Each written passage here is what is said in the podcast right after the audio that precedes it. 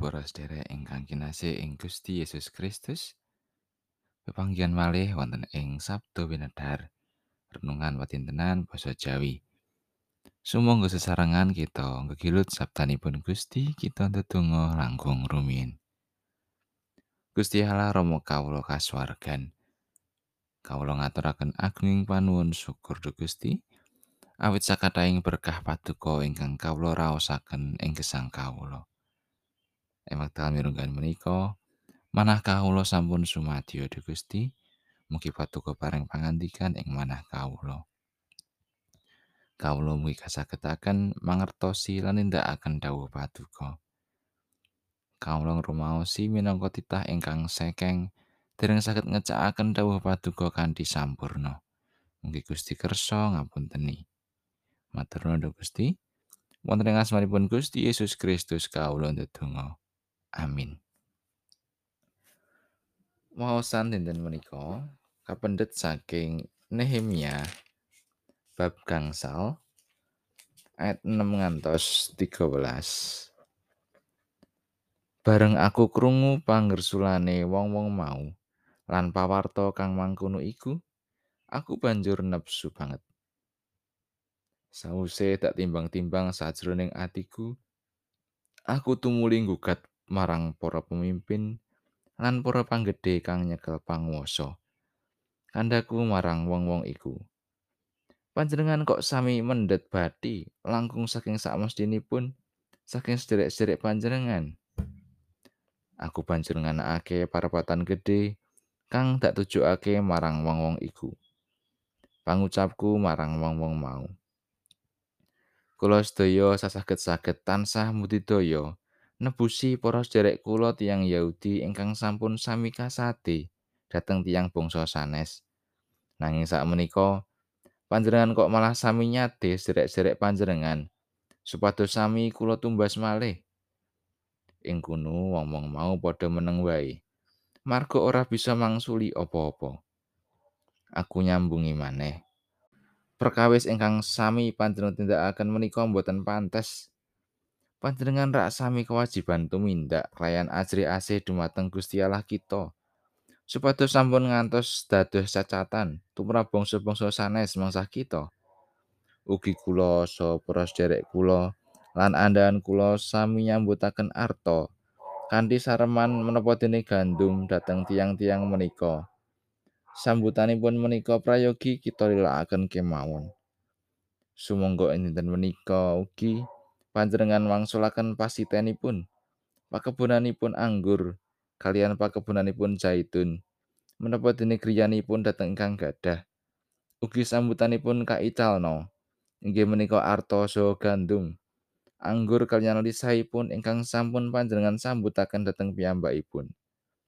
Ing kono pangucape wong mau.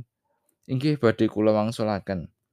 Sarta tiyangipun boten badhe kula tagih menapa-menapa menapa pangandika panjenengan menika badhe kula lampahi. Aku banjur nekakake para imam sarta wong mau padha bedak kon ngucapake sumpah yen bakal nglakoni ing kasaguhane iku. Karo dene aku iya ngebutake lempitaning jubahku kelawan pangucap. Kaya mangkene anggone Gusti Allah bakal nyipatake saben wong kang ora netepi ing kasaguhane iku.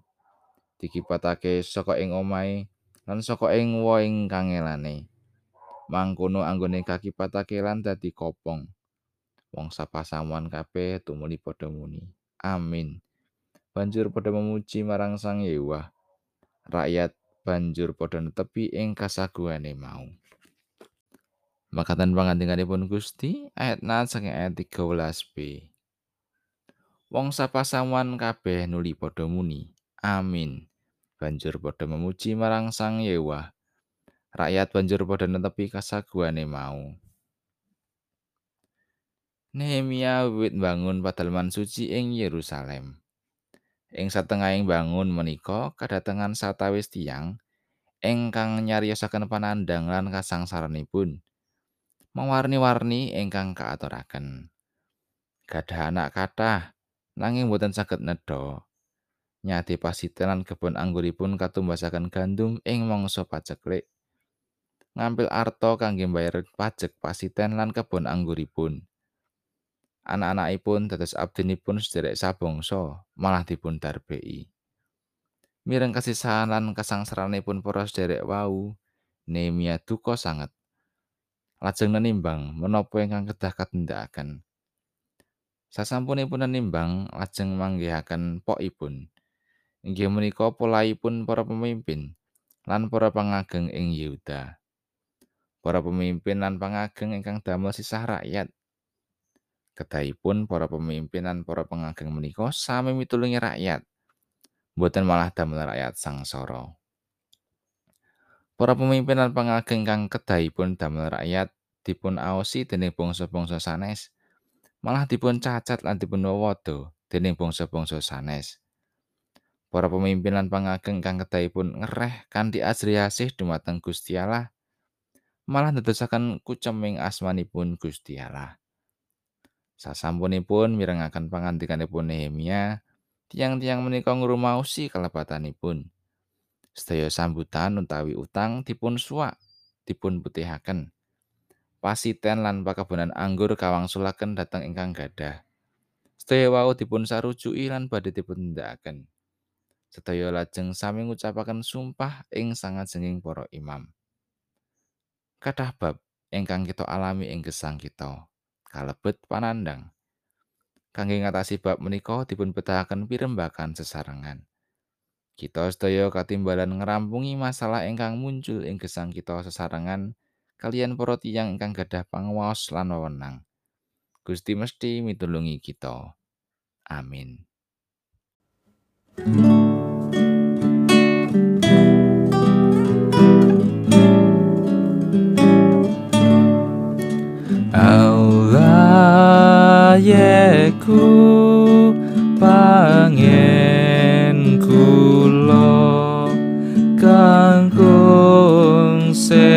Tresnanyo.